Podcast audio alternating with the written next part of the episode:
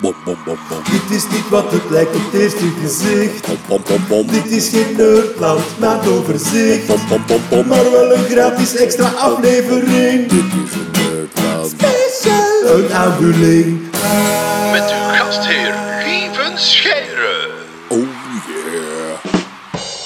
A good day, everyone. Welcome to another episode uh, of, of uh, the Nerdland uh, podcast. We have a special guest, and we try not to be too starstruck because with us today is uh, Randall Munroe, uh, known from the XKCD podcast and a few books. We will talk about your books uh, during this podcast, and of course, about all the other things that you do, and hope hopefully all your geeky interests. Welcome, Randall. Hey, thanks so much for having me. It's it's an honor. It's an honor. But I, I will stop all this Aw. geek fandom now, so we can have a normal conversation. Um, let's introduce the people who are here. So we are the Nerdland podcast. Every month we get it together and we look at the science news of the past month, uh, the the quirky news and the interesting news, and then we have with us uh, Natha. Uh, Natha studied uh, electromechanics and is now working in, in software. We have Jeroen. Jeroen is a computer scientist and he studied computer graphics in video games. So walking through a video game with him is very interesting. Very He al- tedious, very tedious, yeah. he only talks about pixels and vision lines and light rays and uh, and, and things like that. Uh, next to me is uh, Bart van Peer, um, a, a physicist, just uh, studied physics. I studied physics. You studied physics too, I think. Uh, yes, I have an undergraduate degree. Okay. And then we have Stephanie. Uh, Stephanie is an illustrator for uh, science books, for uh, children's books. And um, a few months ago, she did the illustrations of a book with children's questions. So that's already a connection we have there. because cool. the thing we're going to talk about uh, today, we're going to start with, is the Dutch translation of your new book, uh, What If 2 in English, Wat als 2 in uh, Dutch. The second one, What If 1 was six years ago, eight years ago? Something like that, yeah. Yeah, a few years ago. But you had enough crazy questions uh, because that, of course, is the concept of the book. People send you um, absurd hypothetical questions. But the amazing thing is that your research is so thorough and leads you to unexpected places that they become very interesting stories.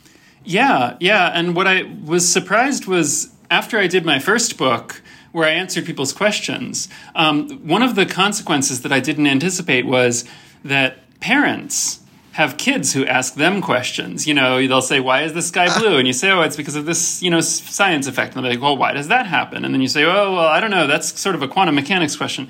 So, like, it, you very quickly, when you get asked questions by little kids, if they keep asking why, you know, you run into something. No matter who you are, you'll run into something you don't know the answer to.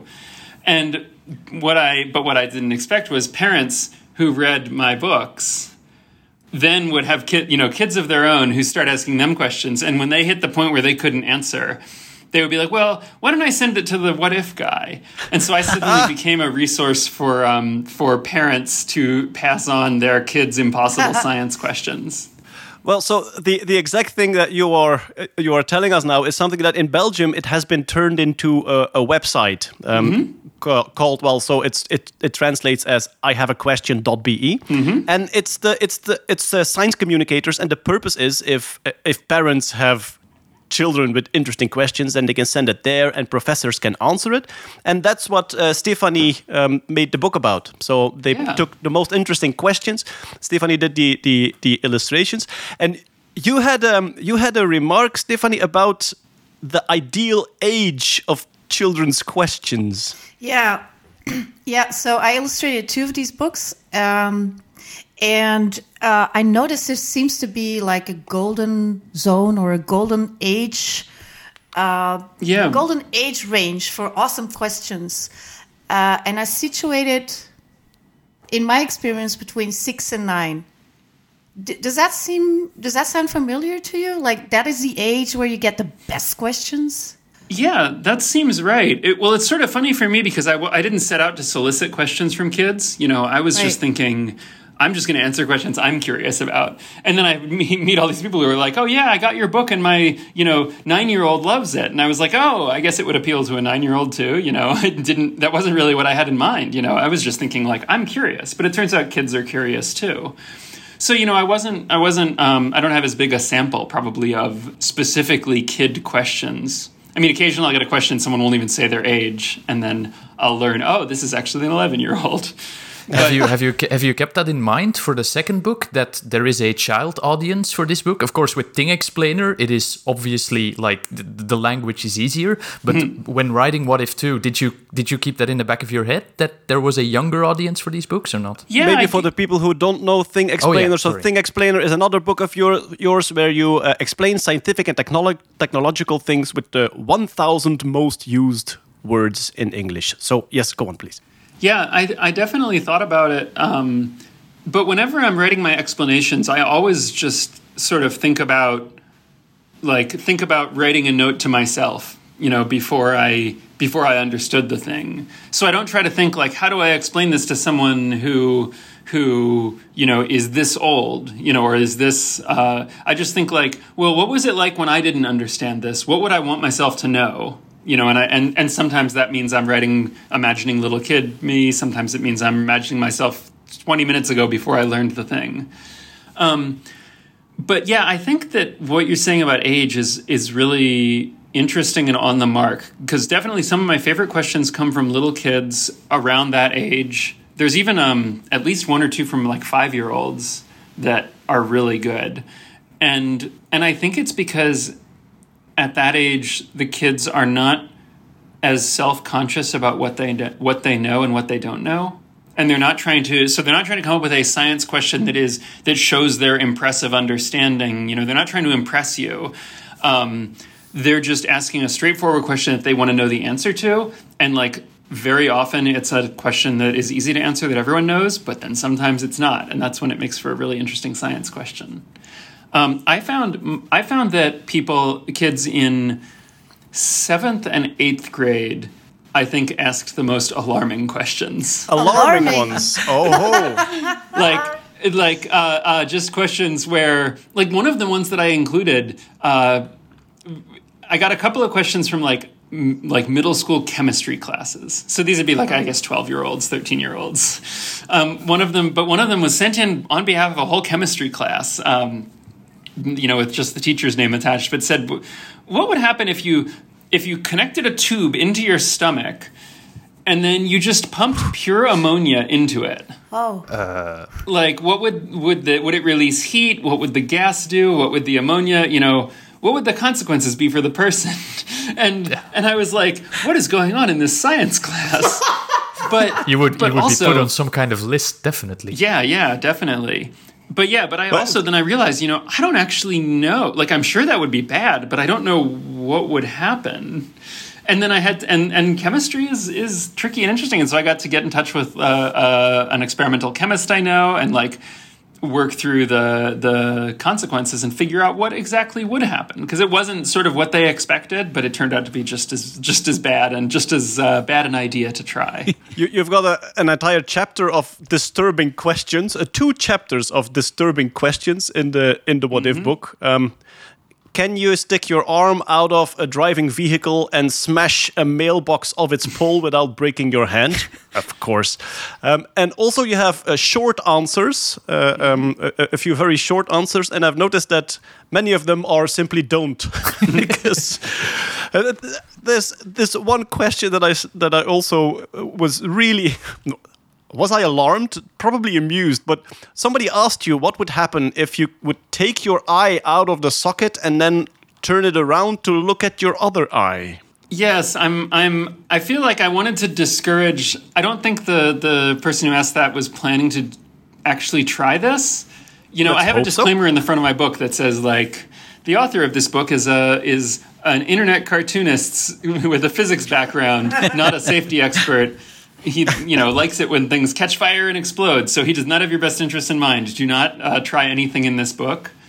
But like a lot of the stuff in the book, I think you couldn't very easily try um, like you know things involving like walking on the sun. Someone asked how much sunscreen it would take to protect you if you wanted to visit the surface of the sun. and like I'm not worried that my readers are going to go try that. And then there's this Yeah, question. you've got other problems. Yeah. Well, and and that, but then there's the like the eyeball question where I'm like, that's just such a strange idea. Like obviously you you wouldn't want to do that and it wouldn't work but you know just hypothetically what would you see that became an, like i was like I'm. it's gross but i'm also very curious like what would what would it look like um, and and so i tried to figure it out because i sort of imagined uh, that it would be something like you know like if you point a camera at the screen that's showing the view of the camera and you get like an infinite loop Yeah. it, it sort of seemed like would something like that happen um, but it turns out no you would just sort of see double you'd see two eyeballs overlapped and uh, And- and, and- then probably you would own- see people rushing in to be like what are you doing stop that your own wounded face and and uh, yeah, um, Yeah. very disturbed people all around you. Yeah. What what I think is so appealing to to uh, the What If books, the, the first one and now the second one, is that the research is so thorough. And you never dumb it down. Um, that's something else. Also, with the with the children's question, people think they have to talk to children in very easy words. They're really interested. They want to know. And also here, the the, the depth to which you take very simple questions. I read one and it took me back to, to my physics classes. The very simple question How big a lens do you need to make fire with moonlight? So we, we've done it with the sun, with, with, the, with the small magnifying glass. And then, okay, th- there's also light coming from the moon. How big a lens would you need? And you kind of end up in thorough thermodynamics to to explain why it can't work. Yeah, and that's a, that's a I think that is maybe the the most difficult to answer question in in the whole book, just from a a, a sort of physics complexity point of view. Like that's an idea that it it took me a lot of reading just to understand why you can't focus moonlight down into a point to make a fire. Because it just seems like it should work. And the reason it doesn't work is sort of very abstract and very mathematical. And, and it's like i still get letters from people who are telling me my my explanation is wrong and they have diagrams showing here's you know i'm a physicist here's why this isn't in, you know incorrect. And like and and to this day i think that's the thing i get mail about the most like of stuff that i've published you know um, i put up a version of that on my blog and people started writing to me right away. And they've and they've never stopped. People people want to argue about that one. And and my my explanation for why this won't work is right but it's it's like it's not just how would you explain this to a kid i don't know how to explain this to a physicist That that's also something that um, I notice a lot uh, in your XKCD cartoons and in the in the What If book. Uh, one of my favorite answers to science questions, especially when when children ask them, is nobody knows. There's so much there's so much stuff that sounds really simple, and then you have to tell people nobody knows why why why we make a laughing sound when things are funny or why we yawn or we, we're not even sure why ice is slippery or why lightning happens. Have we solved how airplanes fly? Wasn't that one of the, the ones as well where, where nobody could really explain it? I think it was explained in your book, right? Yeah, I think I think we we have a pretty good handle on how airplanes fly, and the question is more like what what abstraction explains it, captures the the equations the best. But like we understand the equations, it's very straight. You know, like we we, we know how the air moves over a wing. Um, what one a, a really fun thing to do is walk into a room where there are several pilots or engineers and ask them to explain what the role of Bernoulli's law is in uh, airplane flight, and you mm-hmm. will get a huge fight between them because Oh, nobody yeah. seems You to better, agree. you better run. yeah, absolutely. And then there's like But- uh, the question about the airplane on a treadmill. Uh, oh yeah, All kinds of fun. There was also somebody asked you if if the if you could save energy by launching an airplane instead of letting it take off by itself on the mm-hmm. on the on kerosene. yeah. And Anything useful come out of it? Um, there, there have been some proposals. Uh, this it would save a little bit of energy, but not all that much. Um, the advantage would be you could power the the plane during its takeoff using some kind of clean energy because you know burning jet fuel is very you know bad for the environment, um, and so if you can use an electric catapult, you know, a, a sling to like accelerate it down the runway, that you could save some fuel, but it would end up not being all that much. Um, it would be, you know, because the takeoff is a very brief period, even though you do burn a lot of fuel. So you know, you you might save a few a few tens of gallons, you know, but not not. Uh, it wouldn't make a significant dent in the overall flight. And it, and it would It makes me think about that SpinLaunch project that that like you see pop up from time to time where they basically use like a big big swing to like launch things into space and like the the energy like n- breakdown is basically it's not worth it and everything inside is going to be liquefied so yeah Yeah, I've I've seen that. I'm there are there, there seems like there are a lot of people who have who have put money into that project. Yeah. Um, so I'm, I maybe they know something I don't about spinning objects. Well, if if putting a lot if a lot of people putting a lot of money in it uh, was a sign for something useful, then cryptocurrency and NFTs would be very useful. so, don't get us started Lieven we've only got an hour I'm very interested in the research because one of these questions pops up. Let's let's take. I I think it was the the original what if question. Um, what happens if you throw a baseball close to the speed of light? I think was one of the first ones that that you tackled. Yep. How is your research process? I'm just wondering what makes a good researcher. What do you do the moment this this question ends up in your head or in your mailbox? You know, I'm not sure there's uh, like now that's a hard question. Like so what what I pick when I pick out a question I want to answer, it's usually because it's a question where I don't know what the answer is, but I really want to know. Um, and so I'll pick something that I am curious about. And sometimes I'll have a guess about what the answer is. And I want to figure out, okay, if that's true, how can I prove it? But then it's sort of like I'm going, I am trying to, to think of anything that would work. So, like, I'll just say, okay, this is sort of similar to this, you know, engineering problem. I can go find papers on that problem and see how they've solved that, you know, or like, uh, maybe the solution is this, which would also have this consequence. So I just need to go look up if that's true. Um, you know, and, and then sometimes it'll be like, well, I don't know how this substance behaves. I need to go find out what are its basic properties. And then I'll go look up, you know, papers on that substance, uh, you know, materials, safety data sheets, etc.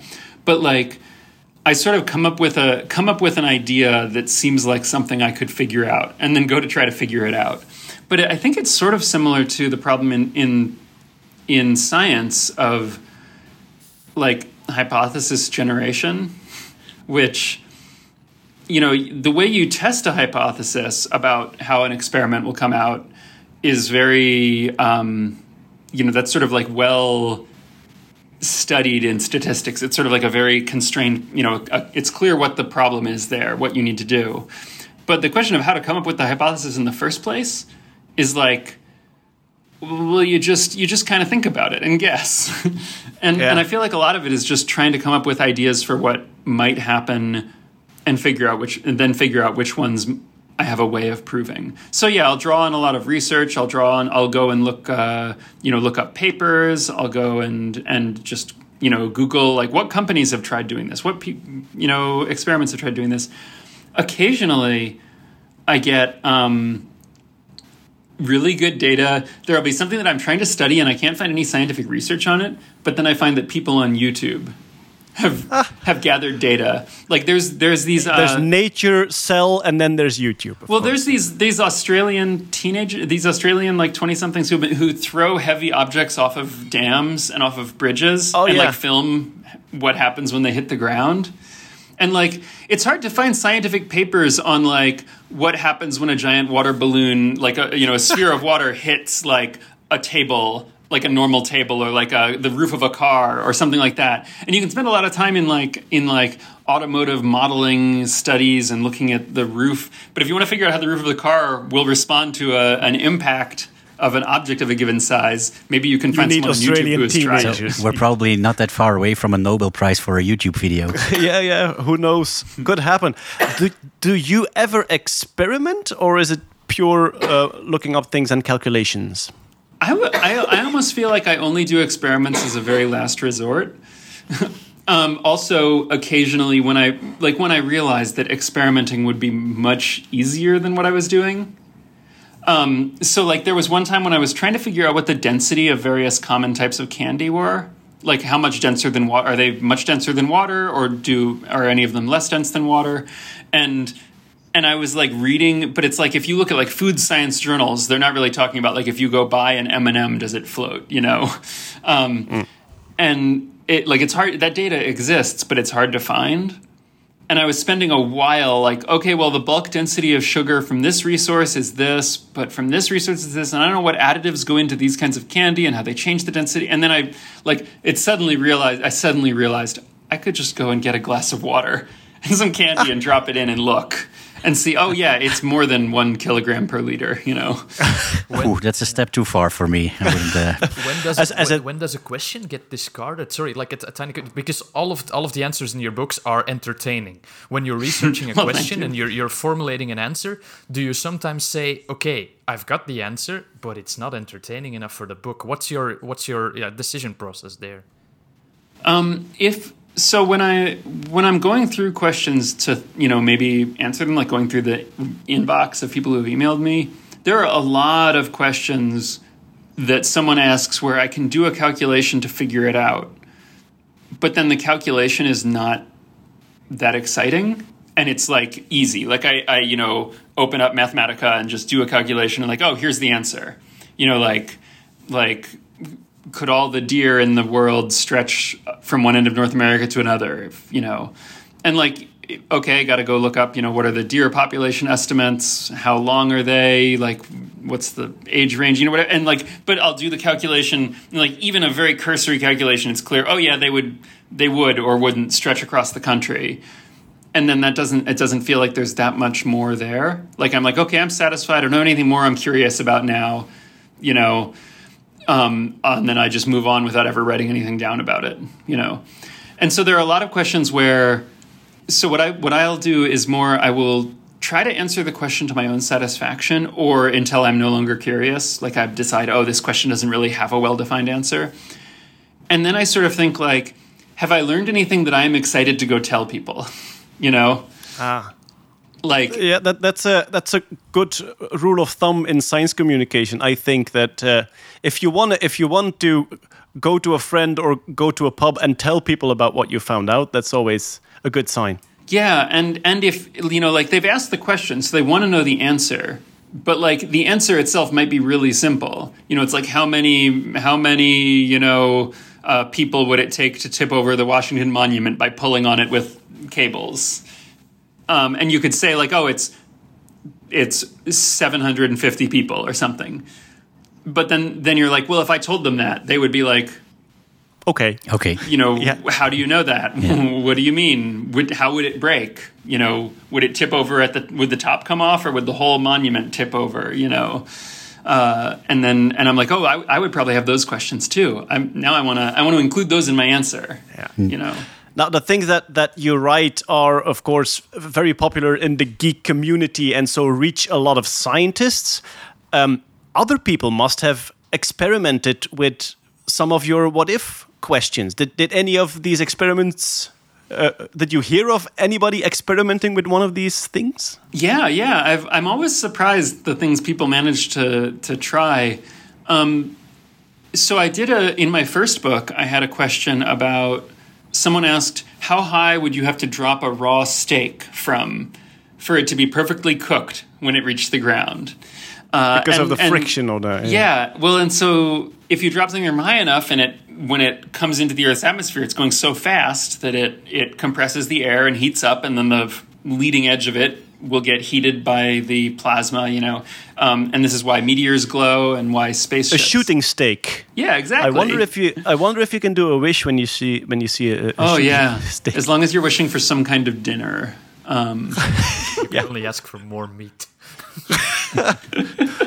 and did, did somebody drop the steak from the International Space Well- Station, or what happened? Well, what was interesting was I, I when I answered this question, I I answered it in my first book, and I said, okay, it's actually pretty easy to calculate how the steak will accelerate as it falls, and it's pretty easy to calculate, you know, from from a physics point of view, like how hot it will get from the you know the air compressing in front of it um, as it until it reaches it'll go faster faster faster reach the thinner layers of earth's atmosphere and then slow down. And so for a little while there it'll be reaching uh, high speeds and a lot of heat. And so i calculated all of that. Um, i actually had a fun moment where i was trying to figure out I, I knew from aerodynamic calculations roughly how much heat would be applied to the front of the steak but i didn't know how quickly the heat would travel through the steak to to heat the you know the the interior. And i was reading these like okay what are the thermal conductivities of uh, i guess raw meat you know I w but I was like looking in engineering textbooks where it's like, oh, they have thermal conductivities of aluminum and foam and wood, and I'm like, but there's no meat here. Oh, maybe like industrial food processing journals will have this. What? And then at some point it clicked. I realized like there is a much there is an entirely different field devoted to studying what happens to a steak when you apply a certain amount of heat to one side of it, which is cooking. And so I just went and got a cookbook and looked it up there. But Okay. when when I published my answer, the one thing I wasn't sure about was the way the steak would tumble and flutter in the air and how that might affect its mechanical properties.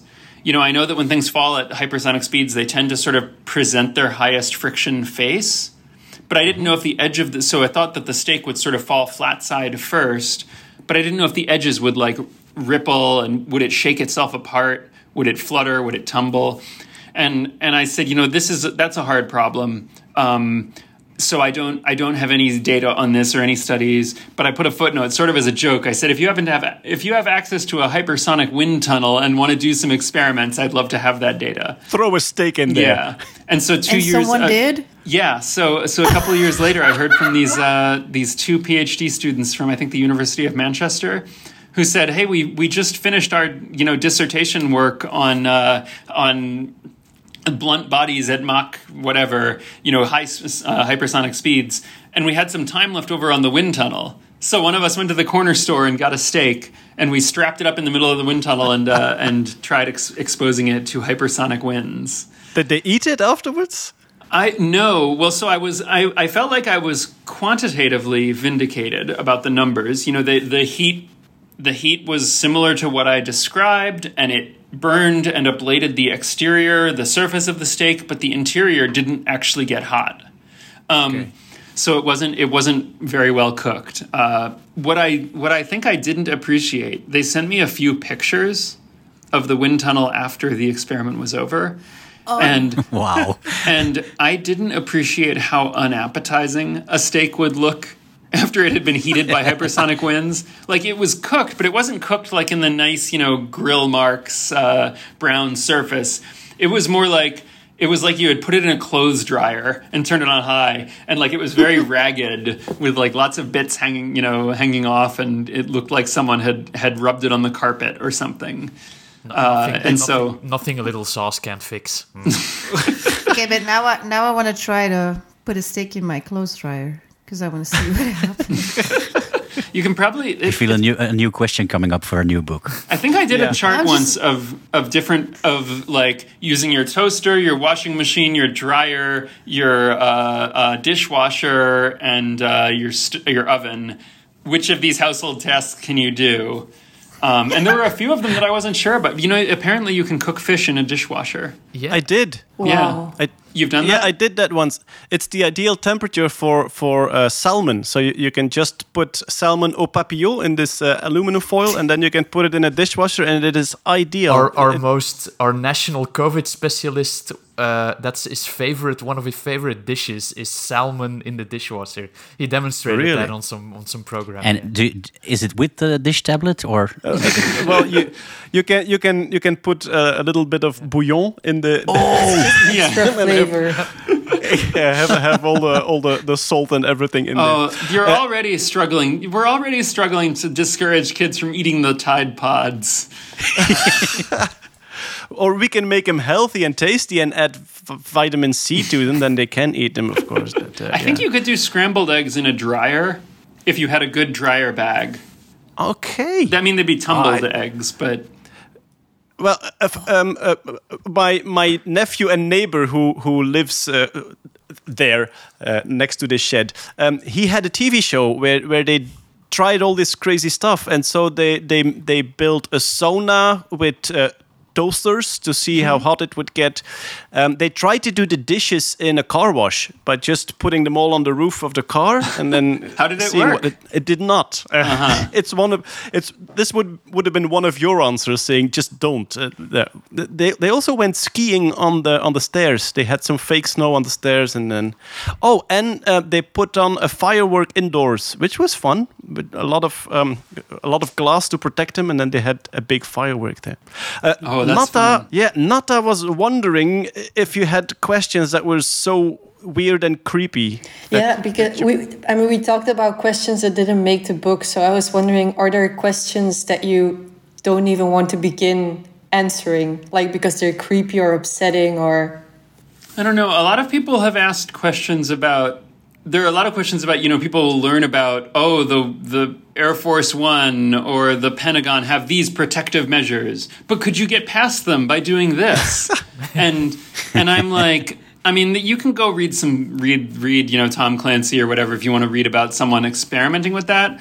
But I don't really want to publish like my ideas for really creative ways to like commit terrorist attacks. What what if you stormed Yeah. the Capitol? Yeah, exactly. Every Um, every question that begins with "Could you dispose of a body with?" yeah, Yeah. yeah, and then and then yeah. there's um and then there are a lot of questions that are sort of like medical advice questions almost. yeah. You know, where one way or another it sort of comes down to like, would you be healthier if you did this instead of that? yeah. Where it really involves like weighing in on kind of unanswered medical questions. Where I'm like, I don't need to, I don't need to be a wellness uh, guru here. I'm, I, I really don't know the answers. There's a lot of money in in, in crappy medical advice, uh, though. It's, uh, Yeah, with, yeah. our, with, our, with our podcast, we could make millions because we say in the podcast when the COVID was uh, in its uh, its uh, its heydays, we said we don't give medical advice, and we had people emailing, "I know you don't give medical advice, but," and then like twenty paragraphs of medical data, and it was, yeah, oh, we could have made so much. money. I was. Uh, I remember uh, the uh, six years ago we had. Uh, uh, I talked to you in uh, Amsterdam in in the Netherlands, and I asked you about um, the time that you were at NASA. You you were working at NASA on on a virtual reality uh, project. I think I remember, and I remember one sentence that um, you tried to put things beyond infinity Yeah. at NASA, which is some of the coolest job titles ever. And I can now see from the looks of my colleague podcasters here that they are very confused. What did you do with, with how did you how did you fumble with infinity? That's the that's an extremely like exciting sounding way to describe a very mundane experiment. So I really appreciate that because I'm going to steal that from now on. Um, there. No, what I was doing was I was experimenting with. Um, so you know when you when you project a, a 3D image, you have to give two different viewpoints to the two different eyes. So if you have a screen, you want to have the thing the left eye will see overlaid with the thing the right eye will see. And if you have them directly over top of each other, then it will your depth perception will tell you that the thing is exactly as far away as the screen. And if you have the the the thing on that your right eye is seeing and the left eye is seeing, if you separate them so they are in line with your eyes, so your eyes are both looking straight forward, so they're like one eye width apart on the screen, it makes it look like the thing is at infinity. That's how we look at stars. So Yeah. stars are so far away, uh, but when, And when really- you hold a pen in front of your nose, then your eyes make make a, uh, a, an angle to look yeah, at. the so you cross your eyes to see close things and you move them straight out to see things that are far away. And farther away than about, I think it's around 200 meters or so, your eyes don't, Okay. you know, have to, to like, you you don't have to move them at all. They're they're So in, infinity is pretty close. yeah, infinity is pretty close. And so what I was thinking was, okay, well, wait a minute.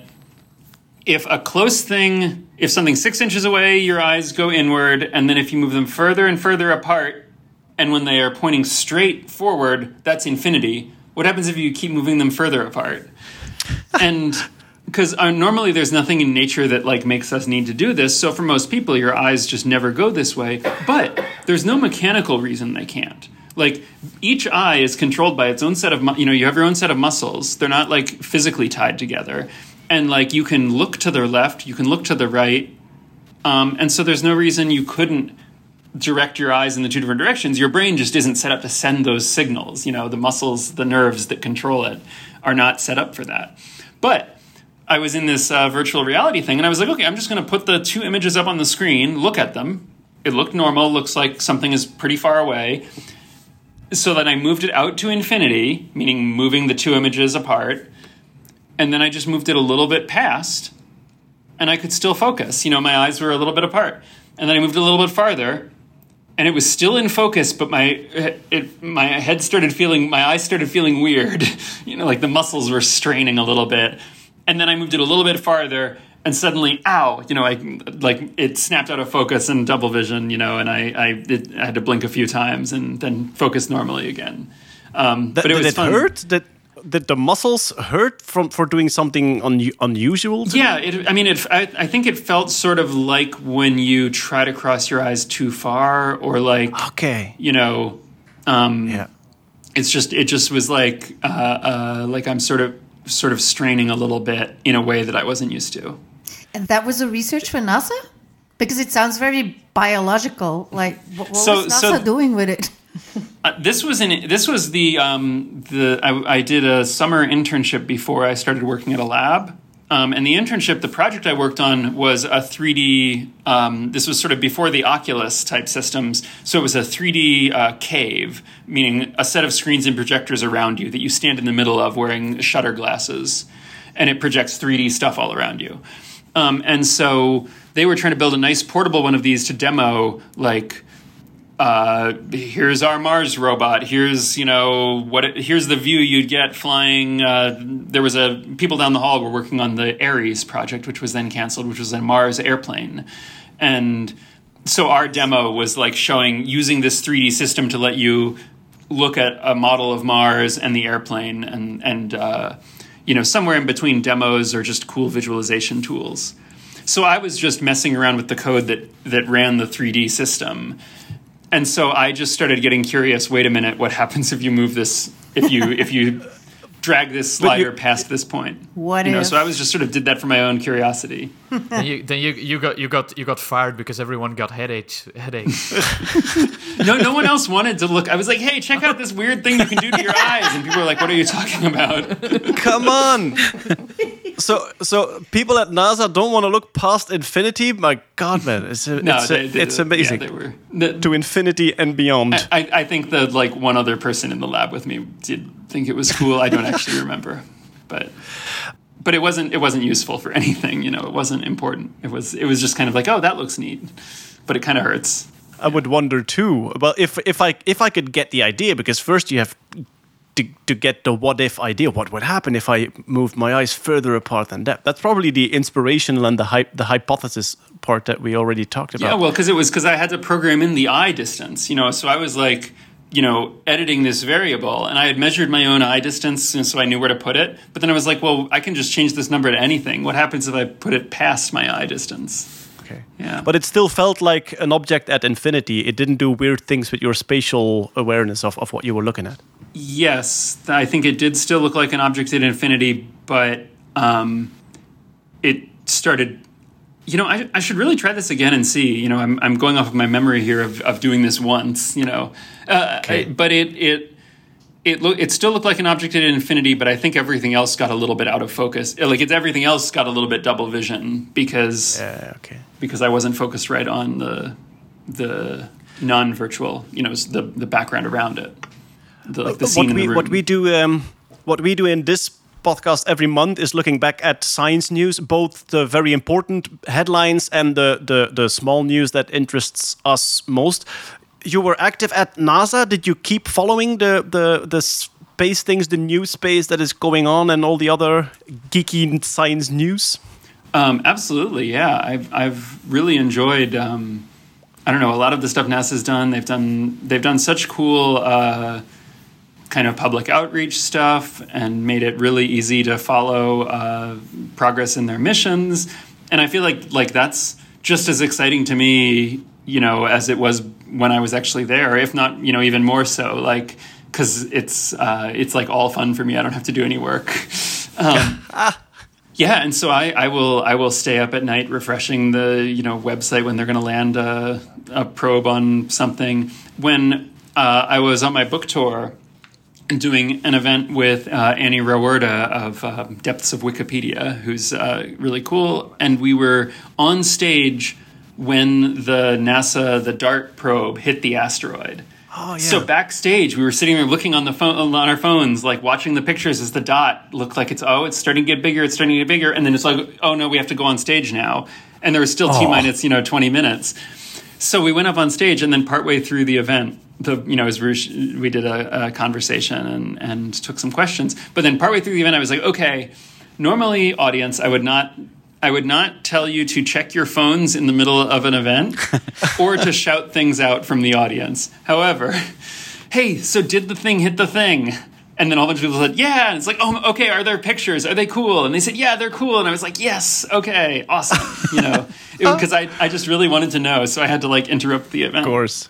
I, I was watching the, the, the test launch of uh, the Falcon Heavy with the, the car going to space. I was watching it on my phone uh, under the desk of a live TV quiz that I was in.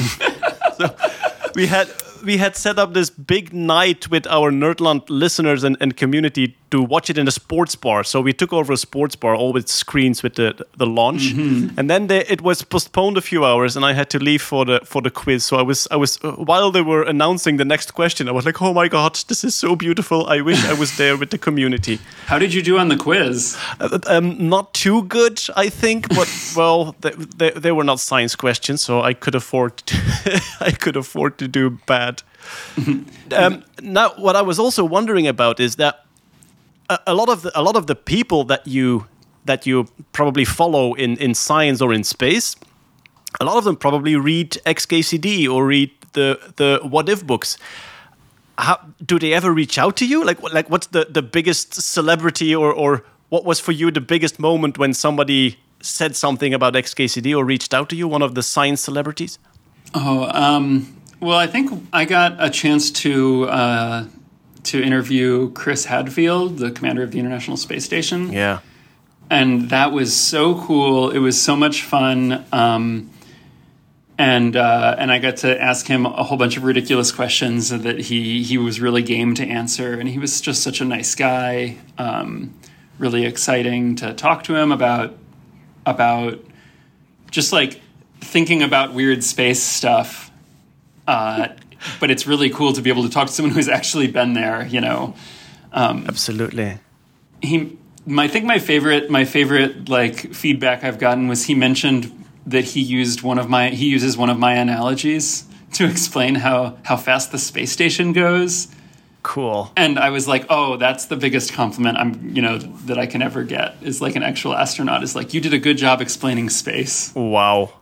I, I, I think I remember that interview because there's one thing that I one thing that I read there that um, he said uh, in in in 30 years of astronaut interviews nobody's ever asked me that question. Uh, I think it must have been great for him because as an astronaut you probably get a lot of the same questions again, but then with with your crazy hypothetical mind, he probably got a bunch of questions that he never had before.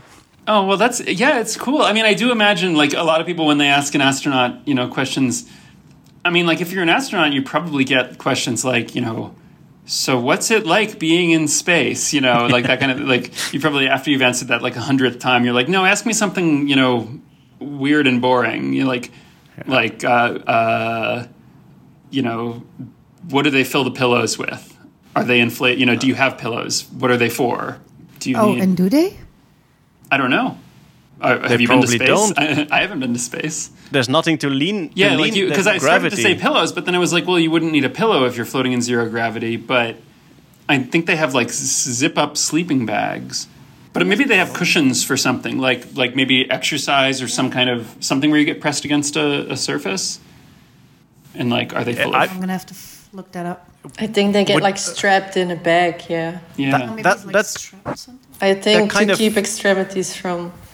that's a that's a, a comforting thought that you would be strapped in instead of just because I also heard astronauts say that it's annoying that their arms just float around, that they don't just hang down, and they're always they're always in the way, in the way. Yeah, you have, you have to put muscle power into that. yeah, yeah, probably to to. I- to I Well, I, mean, I'm what to- here. I'm here in Earth's gravity, and I still can't figure out what to do with my arms while I'm like. well, it's something that in in geeky culture, people often have too many arms and don't really know where to. We all have trouble with our extremities. Yeah. do you do you have time to kind of uh, connect with with the the geek audience? We have every year we have our Nerdland uh, festival. Very welcome if you're ever in Belgium at the end of the month May. Please be our guest.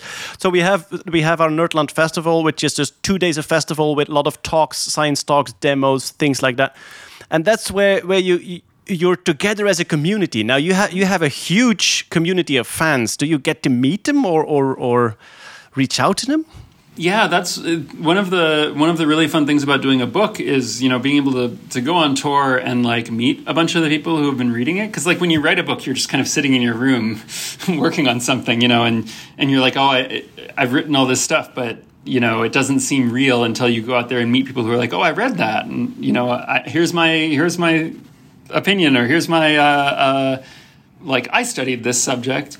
Um, and so it's always fun especially meeting like like there are always you know people with kids but then then meeting scientists who are studying something that i've just been reading a paper about and like i'm excited yeah. about um, i know i once met a radio astronomer. Like i met someone who's like oh i'm an astronomer. And i asked her what you know oh what kind of astronomy? And she was like oh i study you know radio astronomy. And i was like oh, well what do you study? And she said oh uh, well uh, compact objects. Uh, I wrote some papers on fast radio bursts, and I was like, "Oh, that's really exciting!" I, uh, I like just two days ago read this paper on fast radio bursts, and it it uh, had this cool thing in it. It was by so and so, and she was like, "Oh, I'm so and so. It's good to meet you." Really? And I was like, "That is the weirdest, like."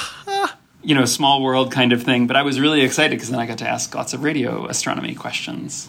Yeah, there's there's a, friend of our podcast who uh, who could not make it, who could not call in, but she really wanted to because uh, her research was mentioned in one of your XKCD cartoons, I think last month. Oh, which one? Um, you you did the chart with. Um, how easy does it sound to find something out, and how easy is it actually? And I think sh- uh, her research was in. Um, it sounds nearly impossible, but there has been uh, recent progress.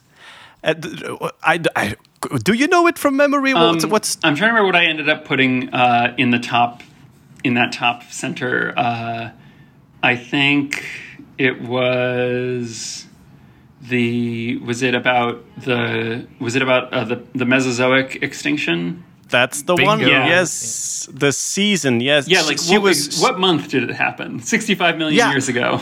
you know, what time of year was it? spring. Yeah, that's that's the Was- thinking. Yeah, and uh, so uh, uh, I remember when when the, the cartoon appeared that her her Twitter line exploded and that she she put it on the top. So she So- was she was about to call in. Did she work in the one? Because there's the one paper from the site in uh, the the sort of Wyoming, South Dakota, somewhere up there. Um, there's one site there where they think they have actual tsunami deposits with fossils from a, a Seiche wave of some kind. And I've always been I've been wondering. I keep wanting to check. Like, do we have a second piece of evidence about the time of year? Have we found anywhere else? the the one that she used was the the fish that Mm-hmm. had died. And sh- uh, the reason that they're so sure that they died shortly after the um, the, the event was that they had this little glass. Uh, Yeah, glass the impact spherules. But Yeah. I think And they the were in the only gills. side, though. Yeah, okay, yeah. and well, then because I- of the bone got- structure. Yeah. I really want us to find find one other, you know, like uh, like there's got to be another tsunami deposit. It's a bit of a controversial site, I think. I think it is. Yeah. Yeah. That's why I'm uh, uh, you know, it's sort of in that like there has been recent progress, but I I feel like it's not it's not totally settled. Um Yeah. there was one other there was one other study that maybe pointed at a time of year and I can't remember what it was. Um Okay. but yeah. I can ask her. Yeah, I can ask her, and uh, maybe if she has an answer, I can I can let you know in a, in a strange way. Um, we are running out of time, but I had two questions that I really wanted to ask. Sure, and they're, go for it. they're probably short. Um, your XKCD cartoon, I think all the fans know um, the title text is always an extra, is, is always something Mm-hmm. new. And I'm just curious how often do you have title text stress? How often do you feel the pressure like, oh my God, my title text has got an, um, it, it- well, it, it's- it's got a name, so I have to live up to it. Oh yeah, I, I mean, I just I try to I I will I will put off um, you know posting a comic until I've come up with something funny there. Sometimes it takes a long time. Uh, sometimes I just type it right away. I always um, I always but I do always uh, write the title text after I've finished the comic because I don't want to. I, I assume, you know, I know that lots of people know about it, but I try to. I, I don't assume that they are going to read it. You know, um, Okay, so I try to make the comic so it will stand on its own. You know, like it, it's. I've decided to post Yeah. it, and then I come up with an extra joke. Of course, and there's there's this tens of thousands of people who put XKCD cartoons on the door of their lab or put it in a keynote, and they can't kind of and they really to show the. like screenshot the the little mouse over, Yeah. print that out, cut it out very carefully, and put it like underneath on one side. Yeah, we're hoping for the days where augmented reality glasses are everywhere, so we can just make the alt text just float over every XKCD cartoon that we see. And then, well, um, probably our final uh, question is something that is has been a constant in our podcast since the very beginning. Uh, there's two teams in the podcast, so we talk about the science news, about the technology news, and every month there's some Elon Musk thing going on, whether it's Starlink or Tesla or Neuralink or, and so we have two teams. We have a team Musk and a team Musk skeptic. Um, I'm team Musk. Uh, Jeroen is leader of Musk skeptic from the very beginning. He's like, ah, is he all, is he all doing? Is, is he such a genius? And he's doing, he's talking crazy on, on, on Twitter again. Now I know it comes out of nowhere, but where where would you stand And on the spectrum? The answer can be I'm separating the man from his inventions. No. One answer. No nuance. This is not real life. No nuance, please. Oh, uh, so no nuance. Wait, no. Uh, are you saying no nuance allowed, or No, you can't you can't say like, "Oh, I really like his inventions," but the guy himself is obviously a total dirtbag. So you can, you can't do that. That's too easy. You gotta you gotta land on one side of the of the fence. Oh, I don't know. I I, th- I think I, I'll I'll count myself as as a skeptic of anyone with that uh, kind of position. Um, I'll take it. We can send you a T-shirt, Randall. Yeah. Yeah, Musk skeptic. We have the T-shirt.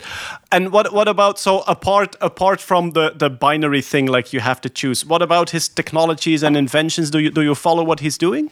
yeah, I think somewhat like whenever there's a cool space. I'm, I I think I'm I'm really excited about space, and so Yeah. you know, and and and cool technology things, and so I follow all of those, and you know, sometimes that's coming out of. Uh, uh, SpaceX, sometimes other places. You know, I'll I'll I'll, get, Yeah. I'll I'll turn on any you know exciting rocket launch and watch those. And some of the some of the things that that they've done have been really cool. Yeah. So you're also looking forward to Artemis One, of course, which will hopefully happen at the end of November. I think it is planned now. Yeah, um, And then- definitely hoping.